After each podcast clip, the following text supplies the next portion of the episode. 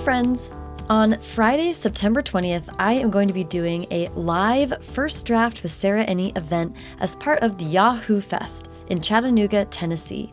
Join me for an evening of fun, games, and storytelling with some of Yahoo Fest's most anticipated authors, including Rick Yancey, Cindy Pon, and Justin Reynolds. That's Friday, September 20th at 6:30 p.m. at the Chattanooga State Humanities Theater as part of Yahoo Fest. Tickets are only $5, so reserve your spots today. And don't forget to sign up for Yahoo Fest, where I will be also appearing as an author, along with dozens of other amazing YA writers. I hope I see you there. Okay, now on with the show.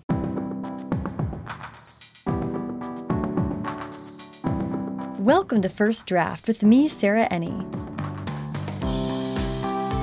This week, I'm talking to Josh Gondelman, Emmy winning comedian and writer for shows like Last Week Tonight with John Oliver and Desus and Mero on Showtime, and debut author of memoir Nice Try Stories of Best Intentions and Mixed Results.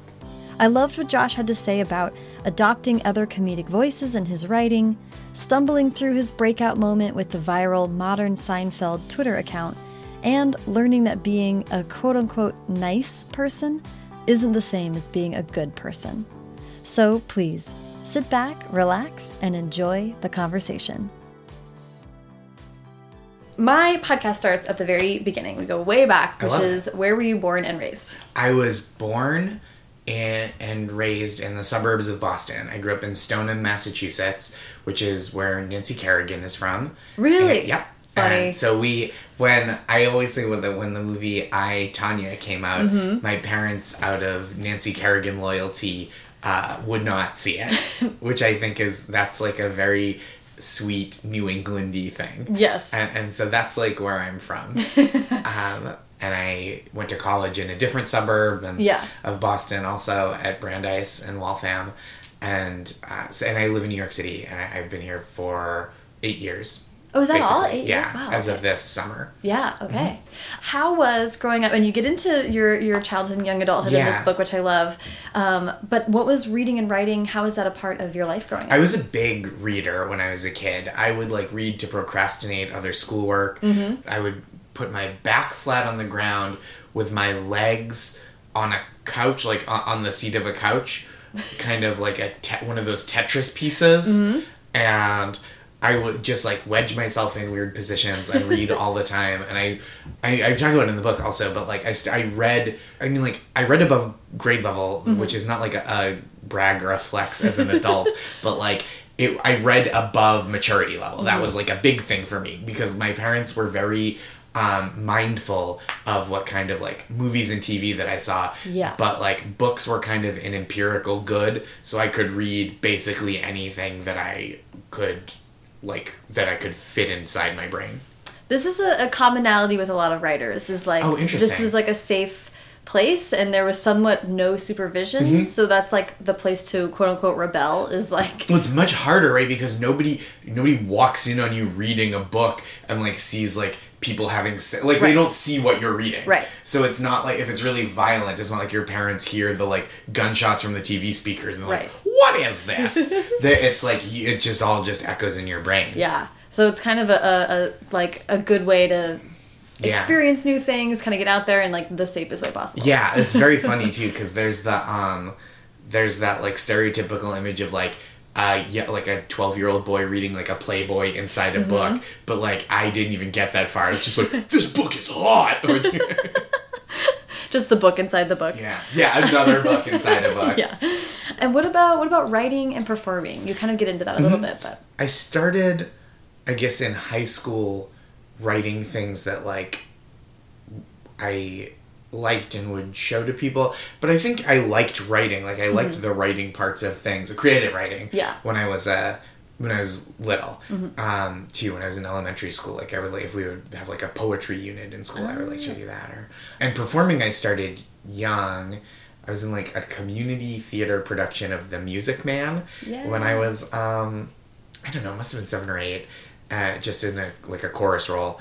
And then after that, in high schools, uh, in high school, I started doing all the plays that the school was doing. So I, mm-hmm. I started, do, you know, I was a three plays a year, starting at the end of my freshman year, basically, which was one like straight play, I guess you call it, right? Like a non musical, mm-hmm. and then a one a competitive one act, which I did junior and senior year, um, and then a that, that was like a statewide competition, mm-hmm. and then a musical in the spring. Okay. Yeah, so I that was kind of my performance background. And you, I know you went to college and majored in creative writing. I right? did. So what what kind of shape was it taking at that point? So coming out of high school, I had I had entered the this statewide drama festival had a playwriting competition as well. So I entered that mm-hmm. and I won it my senior year. So I like and I'm like any praise I will just respond to disproportionately. like I'll just be like, oh. I'm the best at this, or like, oh, this person likes that I do this thing. That person's my best friend. Um, right. Like, or that, especially when I was younger. Yeah. I, now I am a, a, a grown adult, but um, back then, you know, so I was I had I had written this play and it had won this contest, and we put on a little um, version of it at a local theater and gave the money to the drama club, which felt very adult and like. You know, we, we felt the eight of us that were in the play felt like a bunch of little philanthropists. Yeah. And, and so I came into college thinking like I'm going to be a playwriting major, and I just didn't click. Like I didn't want to do stage crew stuff. Like I mm. knew that that wasn't what I was super interested in, mm-hmm. and I wasn't a good actor. Mm. So those were kind of the two paths to like navigating the the theater department, mm. and I was good at neither, or was like you know not super willing to put in the work at either. Right. And so I quickly shifted. I, I only uh, really applied to schools where I knew I could do some kind of creative writing thesis. Okay. And so I thought it could be a play, and then it ended up becoming a book of short stories. Okay. Was what I wrote at, at my senior year as a thesis. And were they funny? Or? I think so, yeah. Okay. I think some of them, like, I think the funny ones were the best ones, Okay. probably. I haven't looked back at them in a long time, but, like, I always feel like when I have an idea for, like, a dramatic or sincere thing, it just never comes out as well as when I write something funny.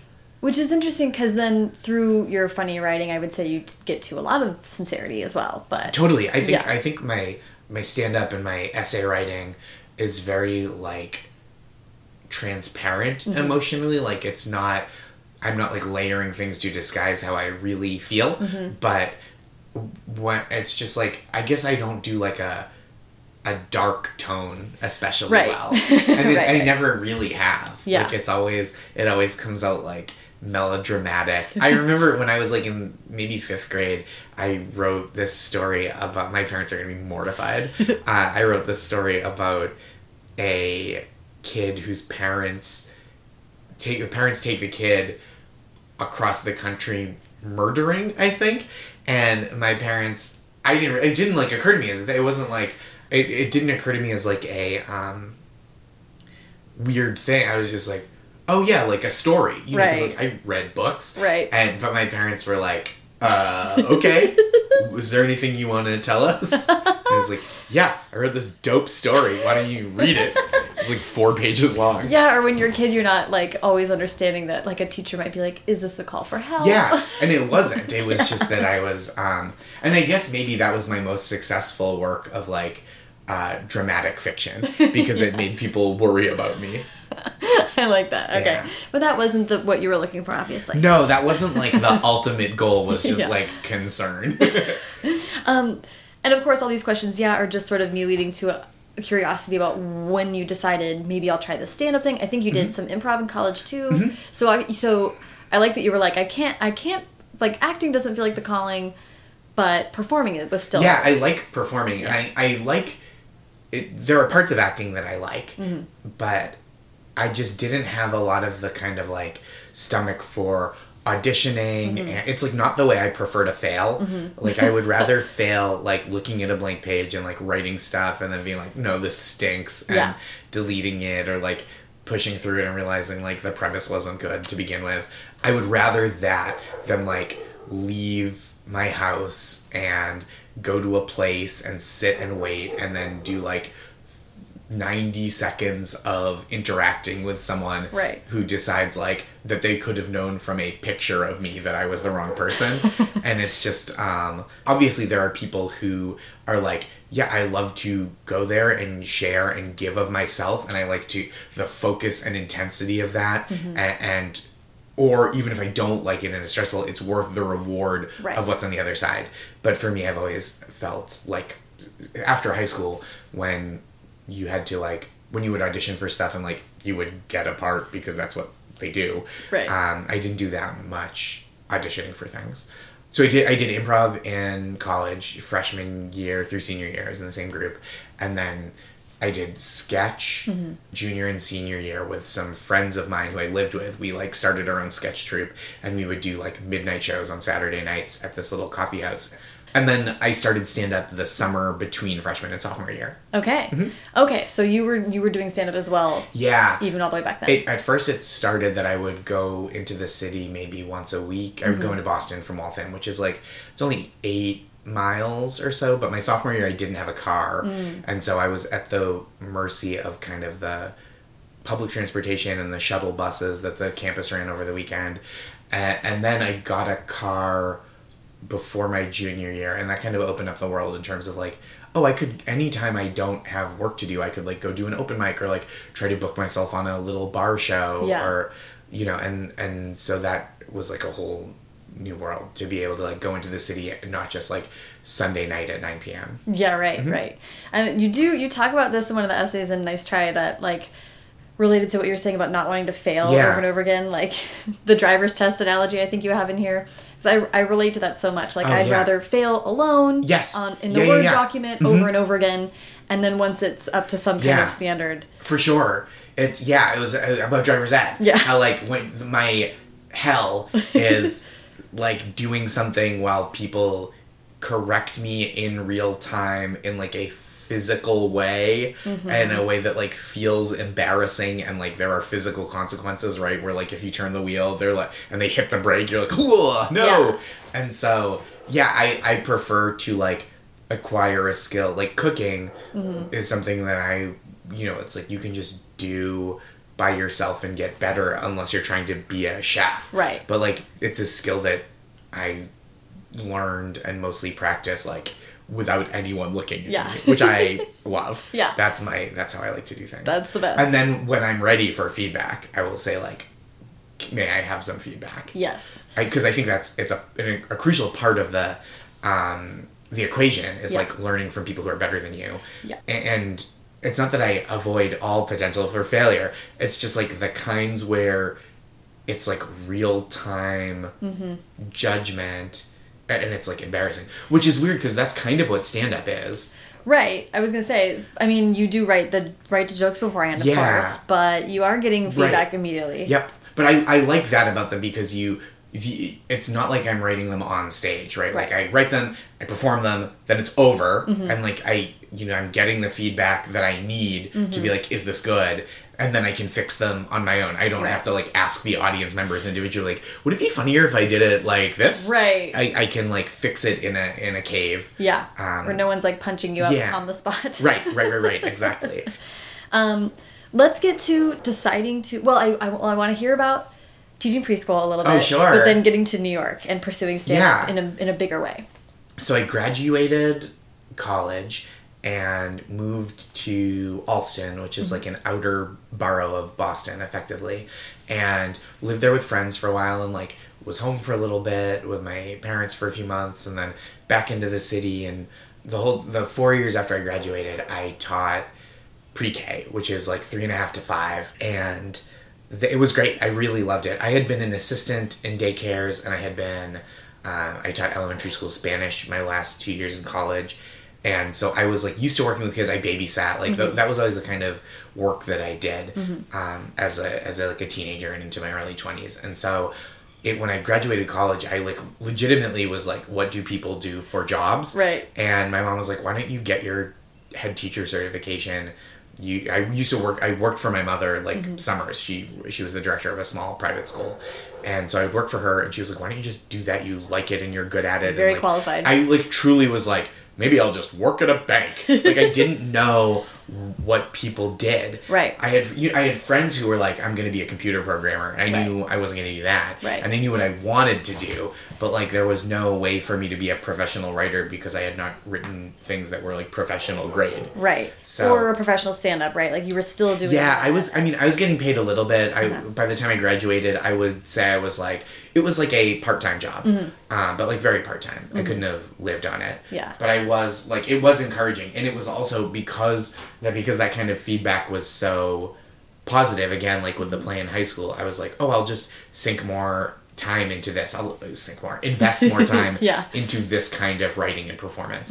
And so for those four years, I kind of neglected other writing, partly because I was working full time, Mm-hmm. teaching and tutoring older kids. Te- uh, teaching, you know, teaching preschoolers, tutoring older kids, Mm-hmm. and then was doing stand up and also like spending time with my friends because I was Yeah. 24. Yeah. Yeah, that's a lot of work. yeah, it was a lot. And so I kind of pushed other stuff to the side. And my parents, who are, have been so gracious and generous through, uh, throughout my life, but like of my career as well, my mom always would say, well, as long as you have health insurance, follow your dreams or whatever, or, you know, pursue whatever avenues. And my dad, when I was teaching, but I wasn't writing much outside of stand up, said, he said, you know, like, we talked about this and the, it seems like the way to be a, to write the you're writing short stories you can't just submit a book of short stories i he mm. knew from me telling him mm-hmm. that you, could, you can't just really submit a book of short stories as like an unpublished nobody. So he was like you mentioned submitting to literary magazines. He gave me like 40 bucks and was like go buy a bunch of literary magazines and like see which ones because you mentioned like finding ones that are a good fit and sending stuff in. So like figure out which ones those are and it was so like generous and Yeah. specific you know it wasn't I've, I've always said it wasn't like he gave he gave me like thousands of dollars and was like here's your rent for six months figure Right. it out it was just this like very sweet targeted thing that that he had the flexibility to do and wasn't like it was like a real privilege but it it also was so I, I felt very like cared for Yeah. in a way without being like kept or like Or condescended to. condescended to or- yeah yeah yeah exactly it, it and was very um, practical. Like that's like was really practical. In case you like, I, I think at that age, right, particularly, some stuff you're you you just sort of have gotten the hang of. Yeah. And other really simple stuff is like still flying over your head. Totally. So just like yeah, do some research. Here you go. Yeah. Like that's so helpful. and so that was really nice so i like tried that a little bit but it was kind of discouraging and Mm-hmm. i think like it's literary humor is different than other kinds like Mm-hmm. the tone is generally like it's just different it's it's a gentler humor it's like drier yeah, it's um, Garrison Keillor yeah. versus and it wasn't and that versus like let's say chris rock Right. right, on another end of the Right. Mm-hmm. humor spectrum i wasn't clicking with and, and it wasn't just all a tonal thing like i probably was not putting in the hours to like make it Right. adapt and i wrote a couple of spec scripts Mm-hmm. For shows i think i wrote an always sunny spec script and it just you know i didn't pay a lot of attention to form i was just kind of like well it's funny right And Mm-hmm. Right. so I wasn't like buckling down and doing the work, but I was doing a lot of stand up, which formally can be basically anything. yeah. And I just liked learning how to do that. So and I and I was teaching, so I would teach. I would go in somewhere between eight and ten in the morning. It like depended, and would stay till somewhere between like three and 6 in the mm-hmm. afternoon and evening, and. I would always kind of. I, I think my dominant feeling of leaving, like the feeling I remember leaving school, driving away from school with every day, was like, oh, I'm glad I get to go do like my favorite thing now. Mm-hmm. What led to your decision to move to New York? Because I got the impression it was kind of like the stand up was like taking off a little bit more. Yeah, so I in the spring of 2010, mm-hmm. I competed in this like competitive comedy festival in Atlanta. I don't even think it's a competition anymore, but the Laughing Skull Comedy Festival and the prize for that was like 30 weeks of work on the road, which what basically though they were like here's the email of everyone who said they would do this.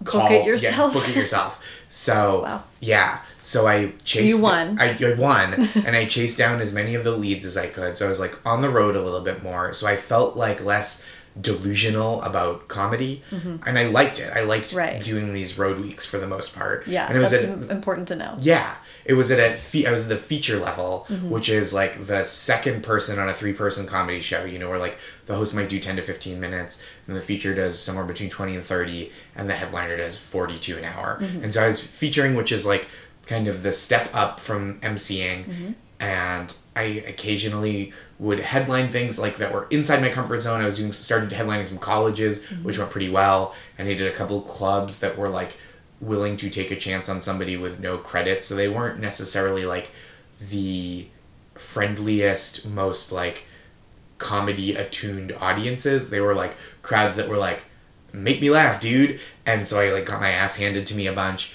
but I was working more on the road. Mm-hmm. That was part of it. It felt more possible.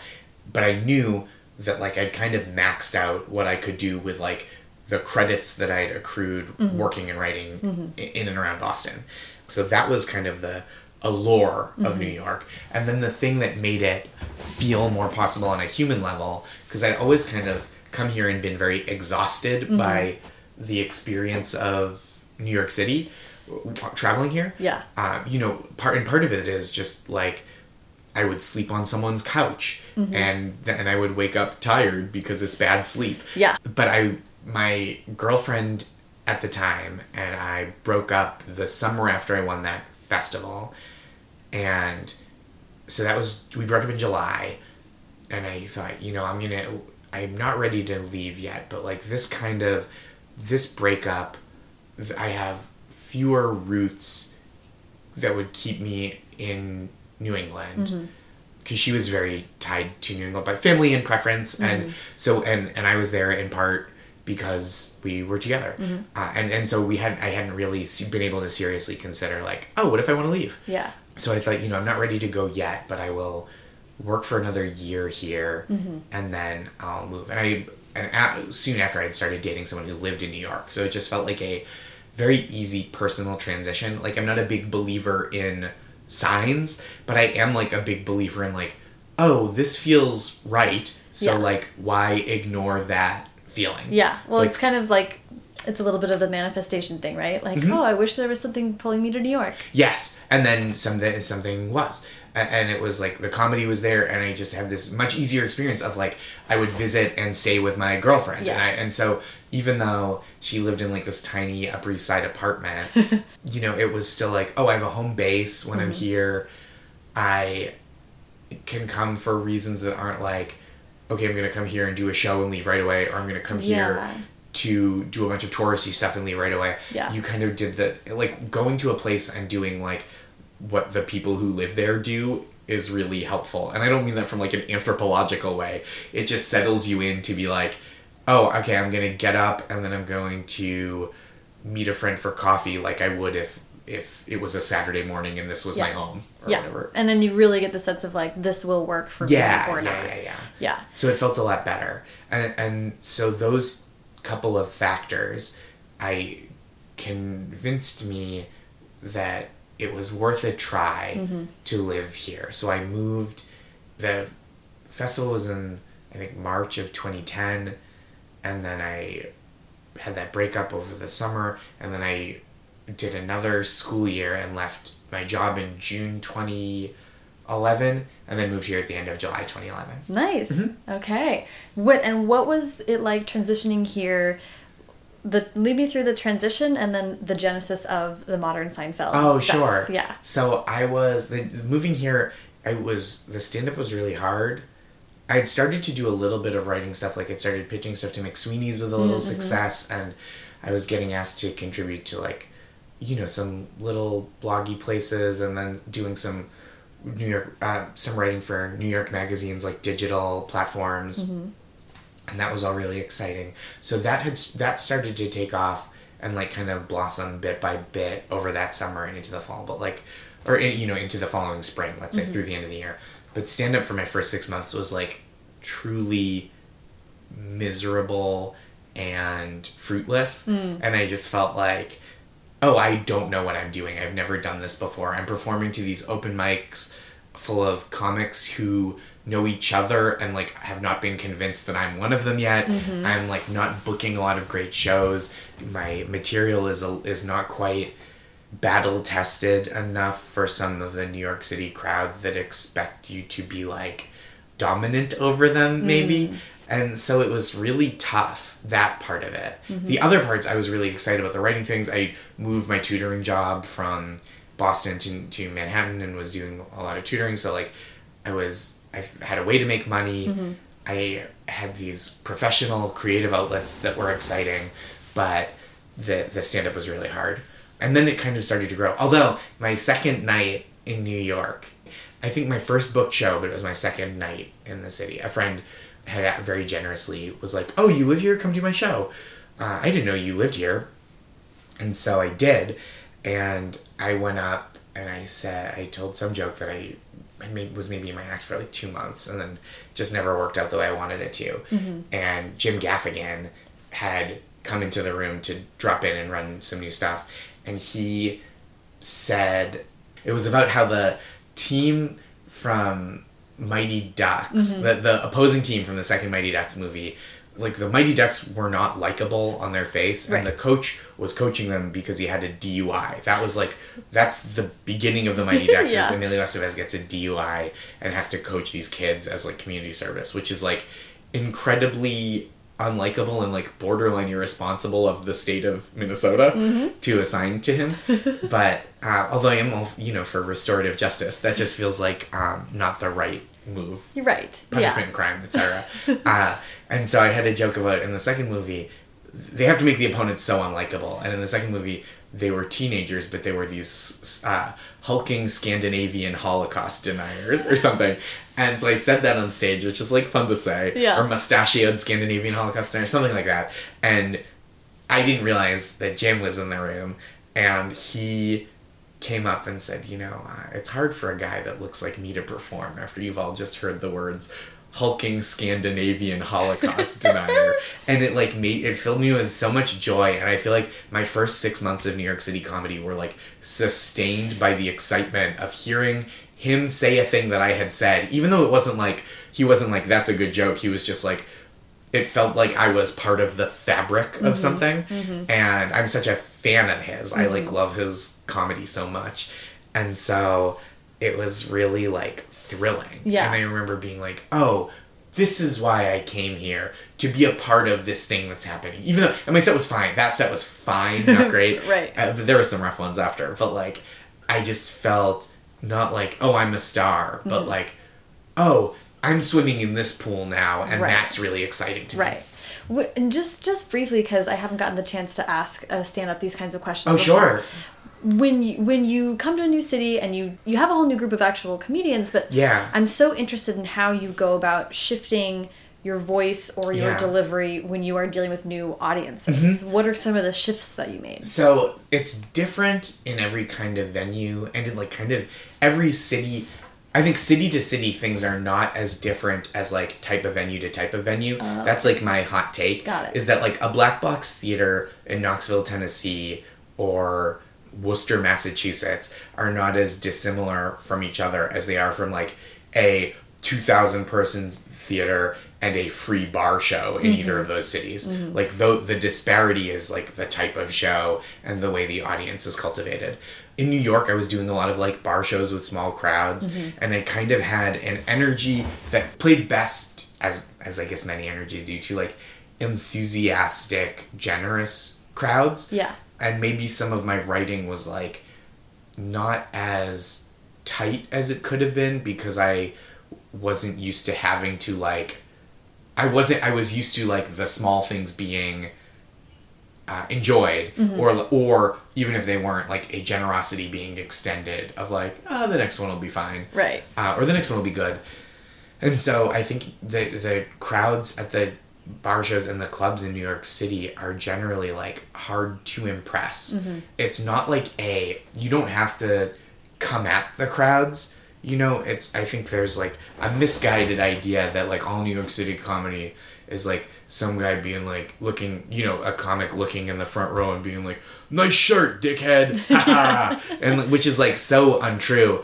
But I do think you have to demonstrate authority Yeah. or, or mastery. Like you have to show the crowd that especially at the club shows that like you know what you're doing and like you're the boss Mm-hmm. Right. even if you do that in a very gentle way right like there's a lot of ways to establish that you have a high status position and, and capability and you can do it quiet or loud Mm-hmm. or fast or slow but you just have to like be really fully realized at what you're doing is Mm-hmm. the way I try to think of it. So like I still have a pretty gen- I talk pretty quickly Mm-hmm. on stage, but it's like a pretty gentle affect. Yeah. And I think that I just have to show like yeah, I know what I'm working with up here Right. and I know that you know and like I'm in charge of this. Yeah. And I and it's like a very I feel very proud of kind of being able to establish that. there it's that's reminding me of i think it was probably pete holmes on his podcast at some point was talking about like addressing the fact that he's tall and looks like a youth pastor Yes. right Yeah, yeah, yeah, because yeah, he yeah. was mm-hmm. and he and he was like you kind of have to go on stage and address that Yeah. immediately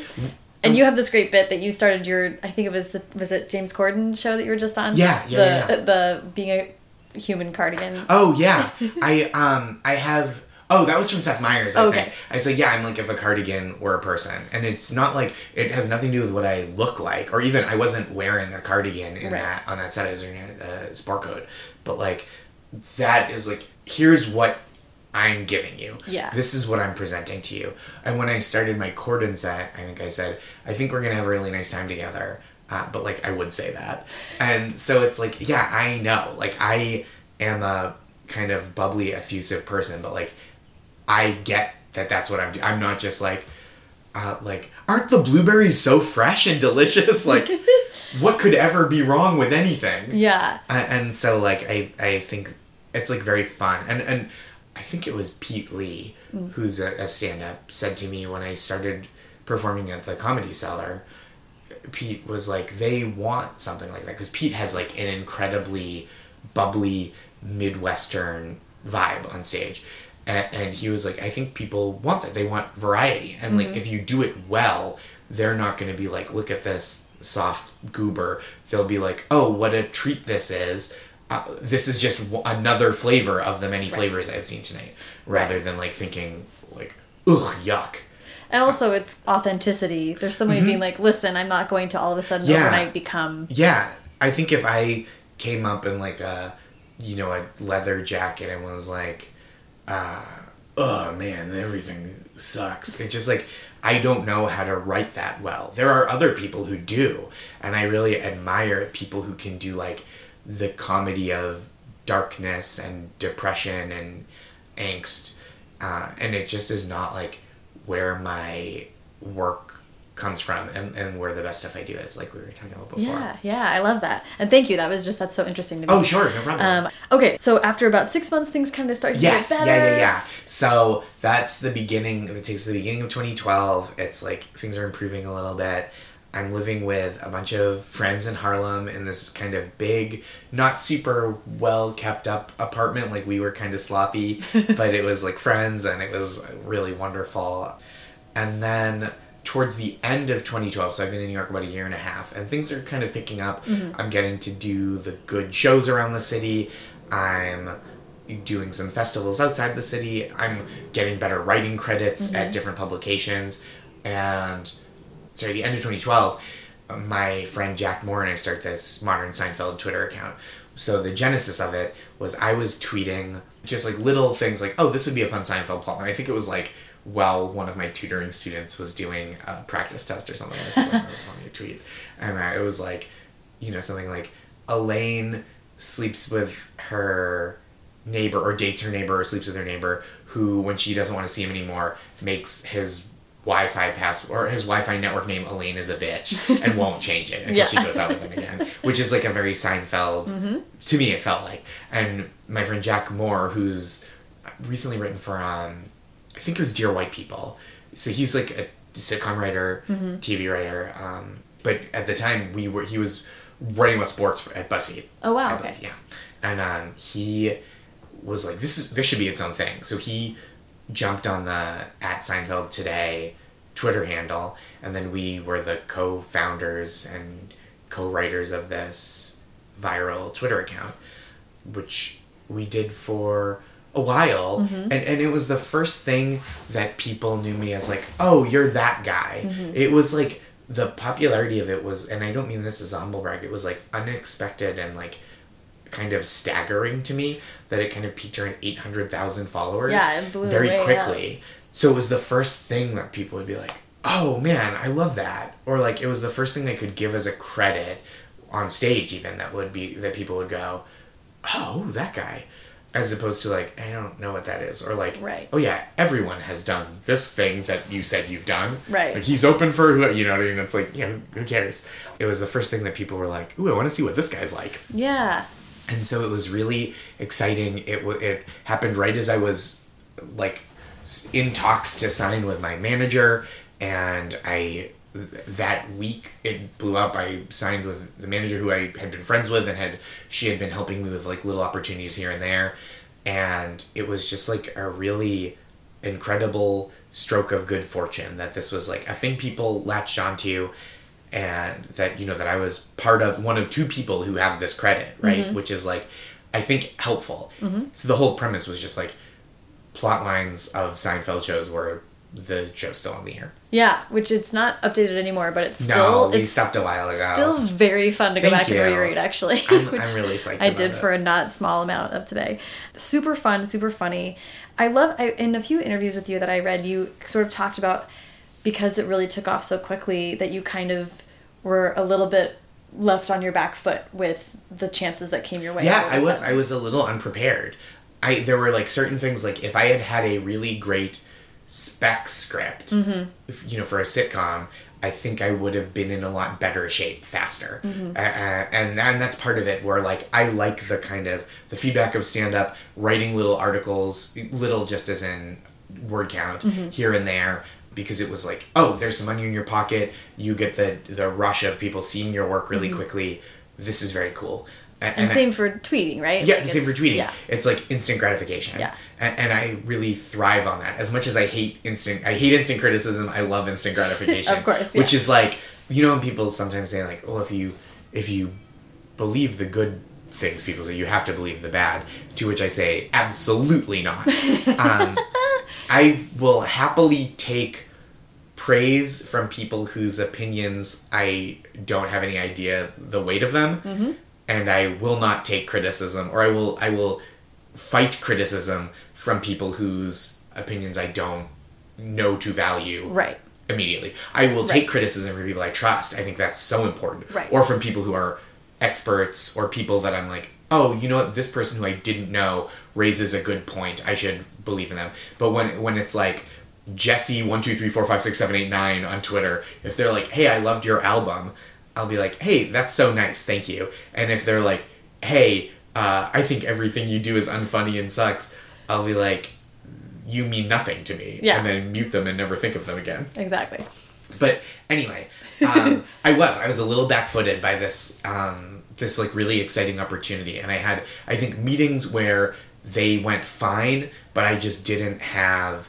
I was clearly green. I think to the people that were wanting to give me those opportunities, and it was really nice. I think I met a bunch of people. I think it probably also helped me over the next year or so, or even two, before I had any other serious credits. But I was like working harder and more diligently and getting stuff done. Yeah. And I think it helped my representatives get me in the room with people. Mm-hmm. But yeah, I didn't have the like goods to back up in terms of, you know, writing samples. Yeah. The goods to back up, like I would get a meeting with a uh, I had a staffing meeting on an animated show, and they're, they're very nice. The guy was like, "I'm a big fan of yours from Twitter, um, from your Twitter and the Modern Seinfeld one. Um, what do you have as a writing sample?" And I had one, and he was like, "I was like, it's a little old," and he was like, not super impressed. But we had a Skype meeting, and it just like I hadn't been in a writer's room. I didn't have like a, a knockout sample, which is what you need, right, to get Right. that first thing Right. yeah and so it was like i was like oh i need to catch up to the opportunities i'm being given because I, I hadn't raised my output my creative output to the level that i wanted to be at i was Right. like not dressing for the job i wanted Right. i was very much dressing for the job i had creatively Yeah, and that's and that's why I ask about it, and I, why I'm glad you're so honest about Oh, it because yeah. I think it's really important to talk about moments like that where you're like, oh, it's kind of more important to be like, I see what I'm not doing. yes let me start down that path absolutely and figure that out. And and so I ended up like I'm I was not a great narrative formal narrative writer. I didn't have a ton of practice, but that the year after the Modern Seinfeld thing, I was doing packets for late night shows, which Mm-hmm. I got better at through repetition, and was also more geared towards like my skill set, Right. like joke writing, silly ideas, yeah, sketch kind of sketch some yeah a little sketchy stuff so it was so i was i did a little bit of work for billy on the street which was really fun um, and very cool. And it was like really really nice of them to contract me to do just like a tiny little bit of outside work. I think i was like credited as a creative consultant on like two episodes maybe that season. And and you know it was just like a packet of jokes and like a little bit of money. And i was like oh and that happened right in the middle of this year that felt like i had all these opportunities. And i was like feeling at the time like i was blowing them one by one Right, right. So he gave you a win. yeah, it was a huge win, and I needed it. it. Wasn't huge in terms of like it didn't pay my rent for months. It wasn't a thing that immediately people recognized that I had done and were like, "We've got to give you a million other jobs." But it was it like was such a morale boost, and Mm-hmm. it was and I've had the good fortune to write for people who I think are really funny and do really cool, distinctive things. Yeah. and and that's why I feel that way about Billy. I think he's like a he's got a real he's really talented and really funny and does a thing that like is not like when you want what Billy Eichner does, you go to Billy Eichner for it. You're not like uh there's like eight identical people doing who have this energy to them. It's like he he does many things, Mm. but like there is a Billy Eichner-ness to him that you're like, well, we want Billy. Yeah. That's who we want. Yeah, and he also has that thing where we didn't know we wanted that until he until he up. did it yeah. which is also i mean like i feel that about my subsequent couple of jobs and that like nobody knew people wanted to watch like you know of an 18 minute continuous comedy piece about like dry or depressing subjects until john oliver started doing it and like Yeah. And I, I don't think he knew that people wanted that that would be my conjecture Well, let let's let's jump into Sure. that. So let's jump into getting the opportunity. Yeah. And then I do want to I do want to hear about what it was like for you to to write for other voices because I think that's so interesting. so at the end of that year that was like opportunity after opportunity and some of them weren't like they were not gift wrapped opportunities some of them were some of them were people who were like hey we would really love to work with you and i just like was not able to quite rise to the occasion enough and then others were you know um, open call or like everyone who has an agent gets this Right. packet to do and so they would get 300 submissions or whatever for one spot Mm-hmm. but i applied to write for last week tonight with john oliver when it was not yet on television and i was hired i was kind of the ninth person out of eight uh, on the list and so i got this job or that's at least how my reps made me believe and so i got this job doing their digital and social stuff um, partly because of the modern Seinfeld thing and like Right. having written a lot online. Yeah, And you were really good at Twitter. I was good at Twitter, and it was like that's what they needed. They needed Yeah. someone who understood what that was, so they didn't have to worry about it, and so that it wasn't someone at the network that they weren't the boss of Mm-hmm. do, doing it for them. So I did that for a year, and then started writing for the show season two, and I was there seasons, you know, uh, staff writer seasons two through five, and at the show seasons one through five. Like I want to pause really quick on being able to do the digital stuff. Yeah. Because that was partly what you one of your Emmys I think was while you did that right. So the show has won three digital Emmys, which are not mine, but it was a department that I was the only person in for one year, and then I kind of oversaw for the other two. But I don't, I don't have any of those Emmys, but I feel very proud of them. Yeah. And very glad and proud for the show for winning. yeah, and and was that the was the first year the net neutrality? That was like episode three, maybe Okay. even. Yeah, it was real. Or, so in the first ten, Yeah. it was really early on in the first um, season. and that was like the first time that net neutrality had like make sense made sense to a ton of people Yeah. and then it was like rallying people I on certainly twitter didn't know what to it was. sign And that that bit at the end, I believe, I hope I'm not telling tales out of school, but that bit at the end where John was like kind of rallied the trolls to this was like such a funny bit. I think it was a Jeff Haggerty bit, who's now at the Daily Show. He's super funny, just like the best. And it, yeah, it was like I, none of I don't think anyone I didn't know what net neutrality is. I'll put it on myself until the show did that piece. It was Um, huge. It was and then, cool. Yeah. And then rallied like hundreds of thousands of people to sign this petition at Yeah. the FCC to revisit their. Well, it's complicated stuff, but everyone should watch that bit because it was really It's it really remains fun. really important, and he remains the only person that's explained it properly. I like couldn't believe I would rewatch it. Like if I needed to be like, what is this again? I would rewatch that. Yeah. But, yeah. It- but it was very funny. I mean, like there the the staff there. I I remain close with a lot of people that are there, and um, they're so funny and hardworking. It's so good. So so what was it like writing for for this other voice Mm-hmm. and, and you're in a room for the first time? What was that experience like? I like writing for other voices. Um, I like writing for. I liked writing for John's voice very much. He and I, I think, have similar taste in some things, which was fun because it, it meant I could do the things that were fun and natural to me, and like somewhere in the there were like there was a Venn diagram of stuff that John likes to say or is willing to say on TV, stuff that I like to write, and then my job was to like get those two to a, a to overlap as much as possible. Yeah. And and I think there was like a bunch of overlap to start with. Yeah. And so I I really enjoy it. I like the challenge of it. I like being in a room. I like collaborating. Yeah, it's, it was really cool, and it was a great experience. And I learned truly from the the other writers there and the my bosses, John and Tim, uh, Tim Carvell, who was head writer at The Daily Show prior to leaving with John to start the show, just like re- the value of incredibly scrupulous joke writing that makes the point of that doesn't undermine the point of the story you're telling. Right. And I think that's like really valuable. Like it's hard to write good jokes and then it's harder even to write a good joke, realize that it confuses the point you're making, cut it and write an equally good joke that is like that reinforces the thing you're trying to say and doesn't like obfuscate or undermine. And so it's like uh, I, I it was really like a clinic in being able to do that and and making some of the like least obvious most obscure points and being like okay now how do we do that in a joke Yeah. and a joke that not only does it not obscure the point but it doesn't distract from it. So like instead of making a joke about the hat of the person in the clip it's like okay how do we attack what they're saying dead on in a funny way?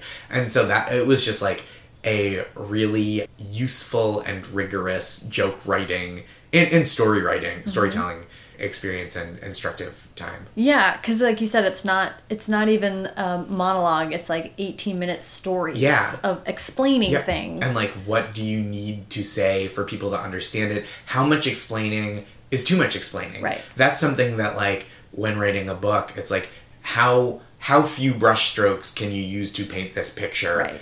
And because you know a few too few, and you haven't, then it's not a picture. Right. You know, it's it's almost it's not a sketch, and then a few too many, and it's just like overwhelming, and you start to get lost in the like technique or the um, preponderance of material. Yes.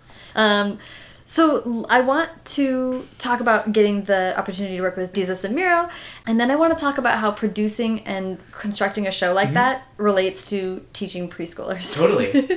Because I feel like there must be with TV, in in the book Nice Try, which we will which we will get to shortly. I Sure. pro- I promise.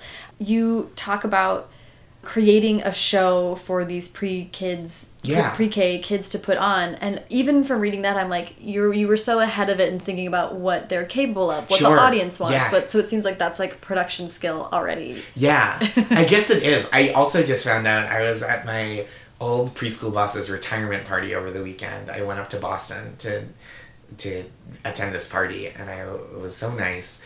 And someone I used to work with told me that the person who now does the like graduation ceremonies and holiday plays uses the ones that I wrote 10 years ago as like an inspiration template and I was so flattered. That's I was like emotional. It like really meant a lot. Um, so I really value that. But also I was like, oh, that's that old shit. I'm like embarrassed by that now.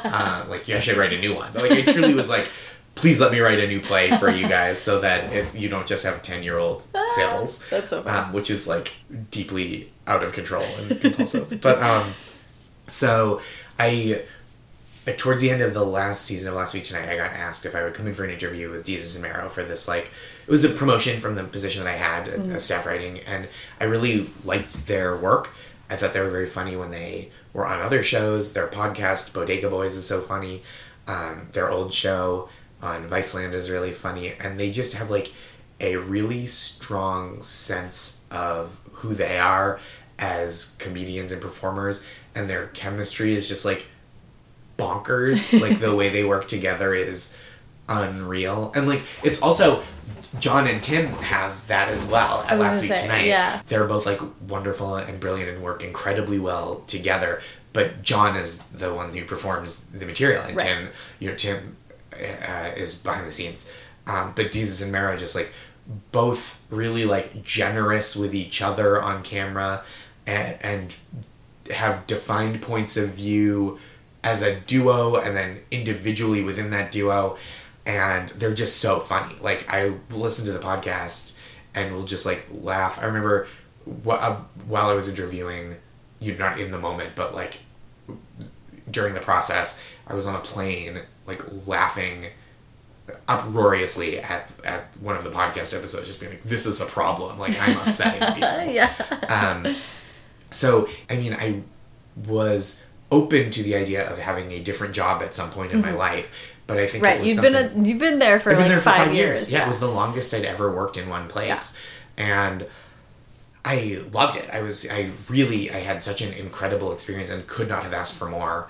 But I got this opportunity and was like, oh, this seems like so different. So I wouldn't, eh, I wouldn't be like chasing because a lot of the time, you know, people over the years have contacted me with offers of basically like, we want to do the John Oliver show of X Y Z, Mm-hmm. and it's like, oh, I'm not super interested because I'm already working at that show, Right. And I really like what we have here, and so this felt um, different, but I with skills that I had, Mm-hmm. and, and a really exciting opportunity to like take the show that they were doing already and uh, take it to a different level than they had been doing it and expose the work to new audiences and new production elements and techniques and it just feels it felt really fun. And so they offered me this job right as the season ended and it was like really emotional.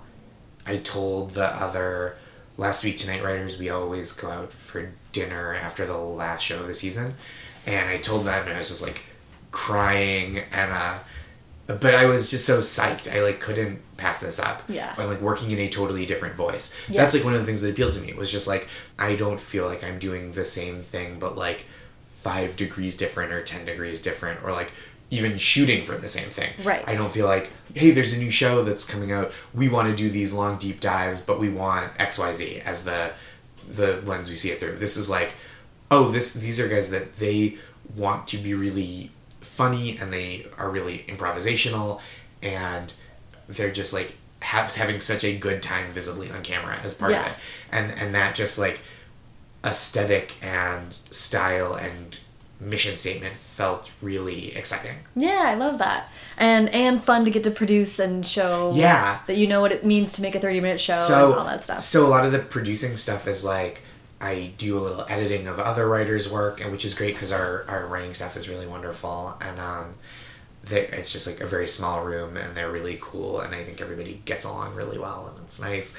And then um, I get to I sit in the edit of the show and like work on because they improvise so much on set that like part of it is just cutting out stuff that we're like okay here are the jokes that we love. Here's the stuff that like is a little too far afield. Like you know a joke that we love maybe at the end of a 90 second run of what it takes to provide that context. It's like oh i guess this gets left on the cutting room floor which is a bummer because we were like tearing up laughing in the studio. So that kind of stuff and then just figuring out how to help make it look good how to um, help be you know be helpful just like uh, on set coordinating things with the graphics department. It's been really exciting to get to like learn and develop new skills. Yeah. um, it's been like a real joy and i've been there for I think, like six months now which is really cool yeah i, I like it a lot Cool. Yeah. Uh, uh, and in in addition to getting to work on these amazing shows and grow your skills in that way, you have written a book. I have written a book. That's true. It's true. Do you mind, just before we get into more details about it, do you mind pitching Nice Try? To So us? I was like a sweetheart kid, and that's different than being like a good person.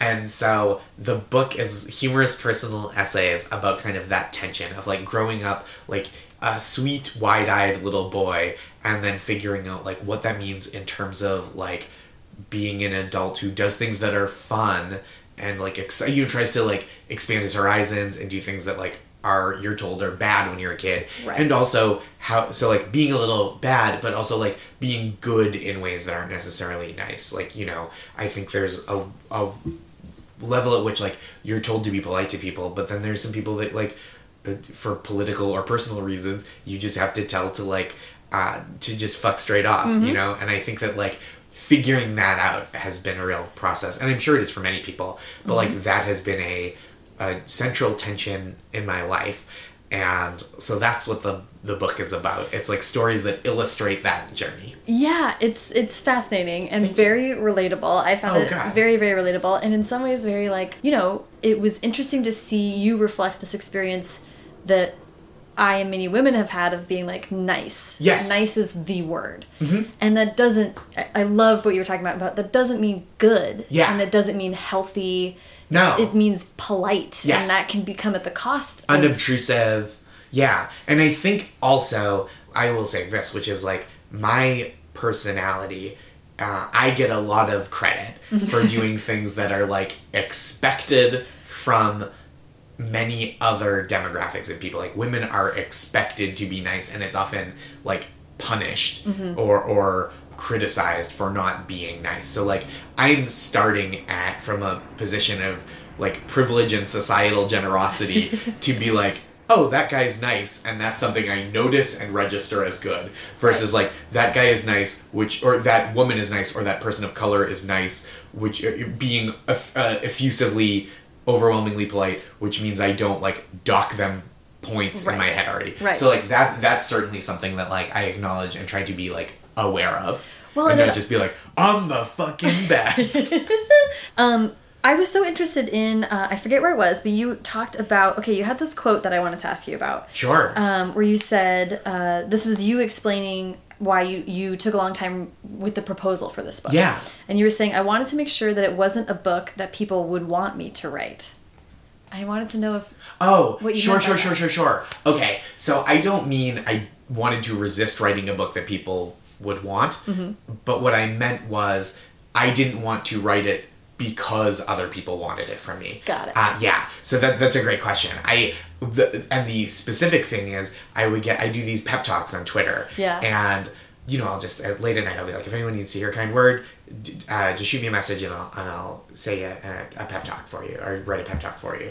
And that's like and people I think there was a the the first version of this book was a friend of mine who was like, I why, why don't you do the pep talks as a book? Mm-hmm. And I I thought that was such a, a generous question. Like, hey, I would like you to write a book, which is like a wonderful uh, request. Right. I think it's I was very flattered, but I was also I couldn't my imagination couldn't find a way to make that content adapt to this genre. Mm-hmm, mm-hmm. And so yeah, I- 200 pages of pep talk is a lot. yeah, and it's kind of like my my friend um, who who asked me to do it was like genuine, we talked about it a lot, mm-hmm. and I really would have wanted to do it if I could find a way that felt substantial and uh, generous to the reader, but like worth their money, and and like also I think like the the version of that book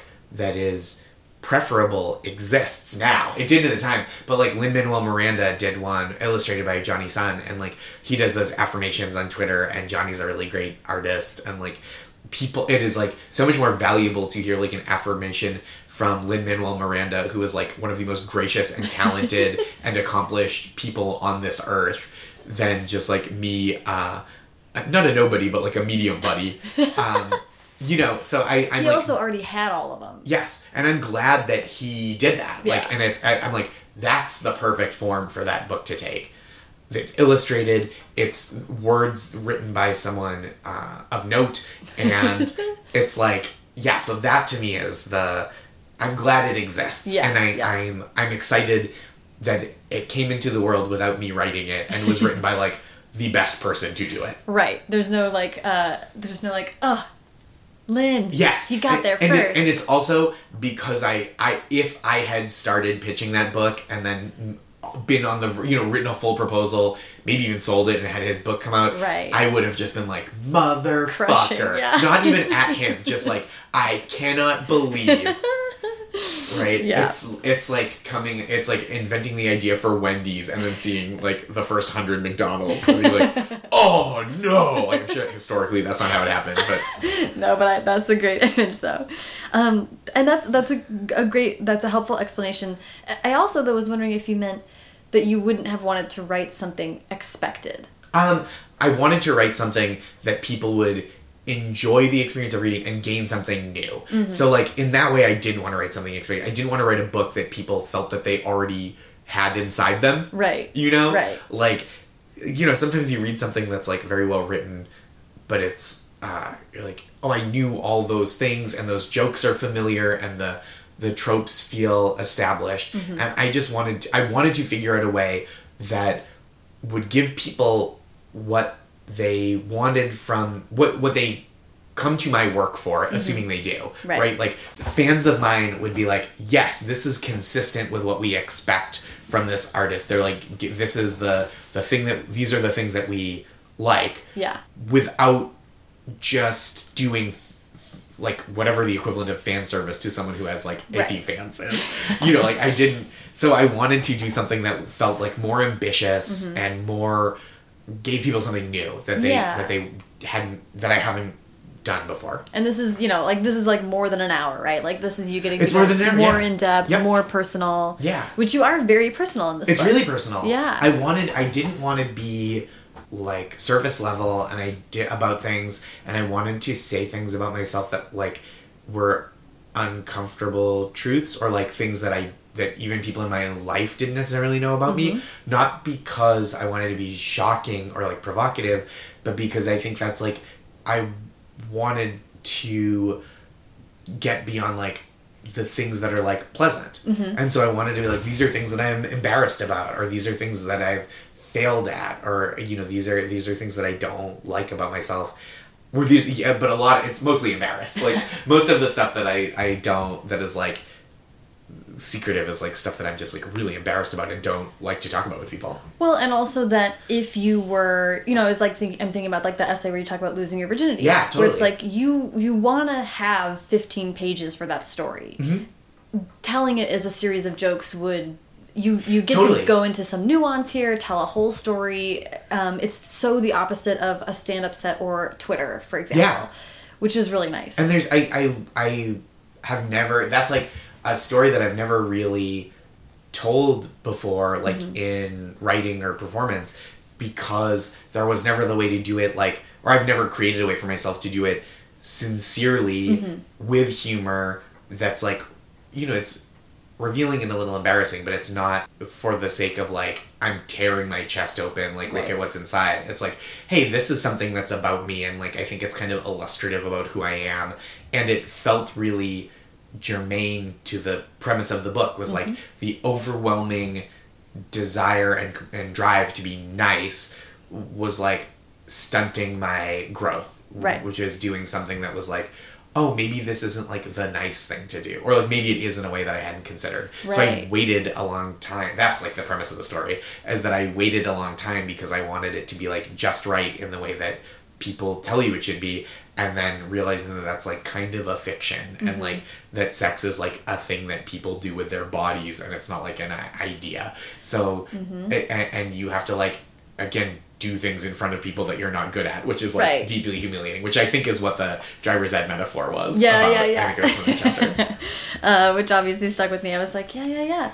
And it's very like, you know, I'm reading this book at the same time that I'm reading this Brene Brown book. oh sure about shame Uh, yes, uh, I'm reading Daring Greatly right now, which is like great, but also I just read the chapter about like the way we socialize men and Mm-hmm. the way that men. So anyway, like reading this book was was a was a great thing to read with that actually because you talk a lot in here in a very empathetic way that goes against the grain of a lot of like very aggressively macho don't have feelings Mm-hmm. ignore things and move on type of way you are examining things you're being very empathetic to other people and to yourself Oh, thank you. like great I just read. I just did a panel with um, Liz Plank, whose upcoming book is also about like socializing men and masculinity and like toxicity of masculinity and myths surrounding it. And it was like a very.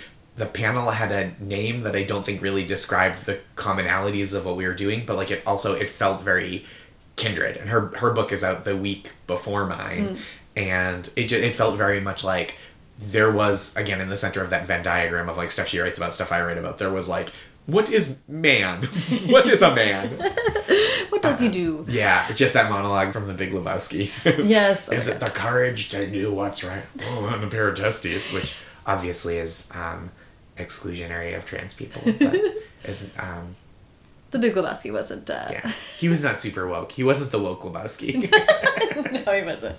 Um, the uh, uh, I like too that there, there's a lot of personal essays in here, but there's also fun, shorter things. Yeah. uh, like lists and some conjugations. yeah i like reading that in other people's books i like when you read a book and it like breaks out i like a breather uh, it also like as a reader you know Yeah. it's just i enjoy like oh i just read this like exhaustive 20 page high focus essay that's like a narrative and there's emotion to it and i like the palate cleanser of um of like oh this is like a list of things or a brief paragraph or like a two three paragraph story that's Yeah. like just a an anecdote that's not worth getting into deeper because i always feel like when i'm reading essays and short stories that when i start one i have to sit still till i finish it Mm-hmm. and so i like the idea of like i can read the next thing without it being like another half hour commitment because i have places to go Yeah. Okay, I'm, I'm I don't want to keep you here all night, so That's we're gonna move towards wrapping it up. But but I'd love to hear what like like did you enjoy writing this book and would you do it again? I did, yeah. Yeah. Um, yeah, I really liked writing it. I have had such a wonderful experience. My agent Noah was so constructive when we were putting the proposal together, and because I really came into it. So to go back to, I didn't want to write what people expected or mm-hmm. wanted from me. But when I was putting it together, I wanted to.